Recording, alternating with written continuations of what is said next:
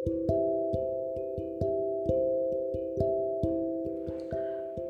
Abu Hurairah bahwa Rasulullah bersabda, Kondisi terdekat seorang hamba dari Tuhannya adalah ketika ia sedang sujud dalam sholat.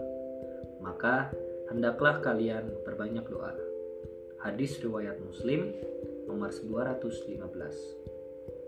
Beberapa pelajaran hadis ini adalah pertama, sholat adalah salah satu sarana mendekatkan diri kepada Allah karena dalamnya terdapat sujud kedua, perbanyaklah doa ketika sujud selagi sholat. Dan yang ketiga, pentingnya bersungguh-sungguh ketika kita berdoa.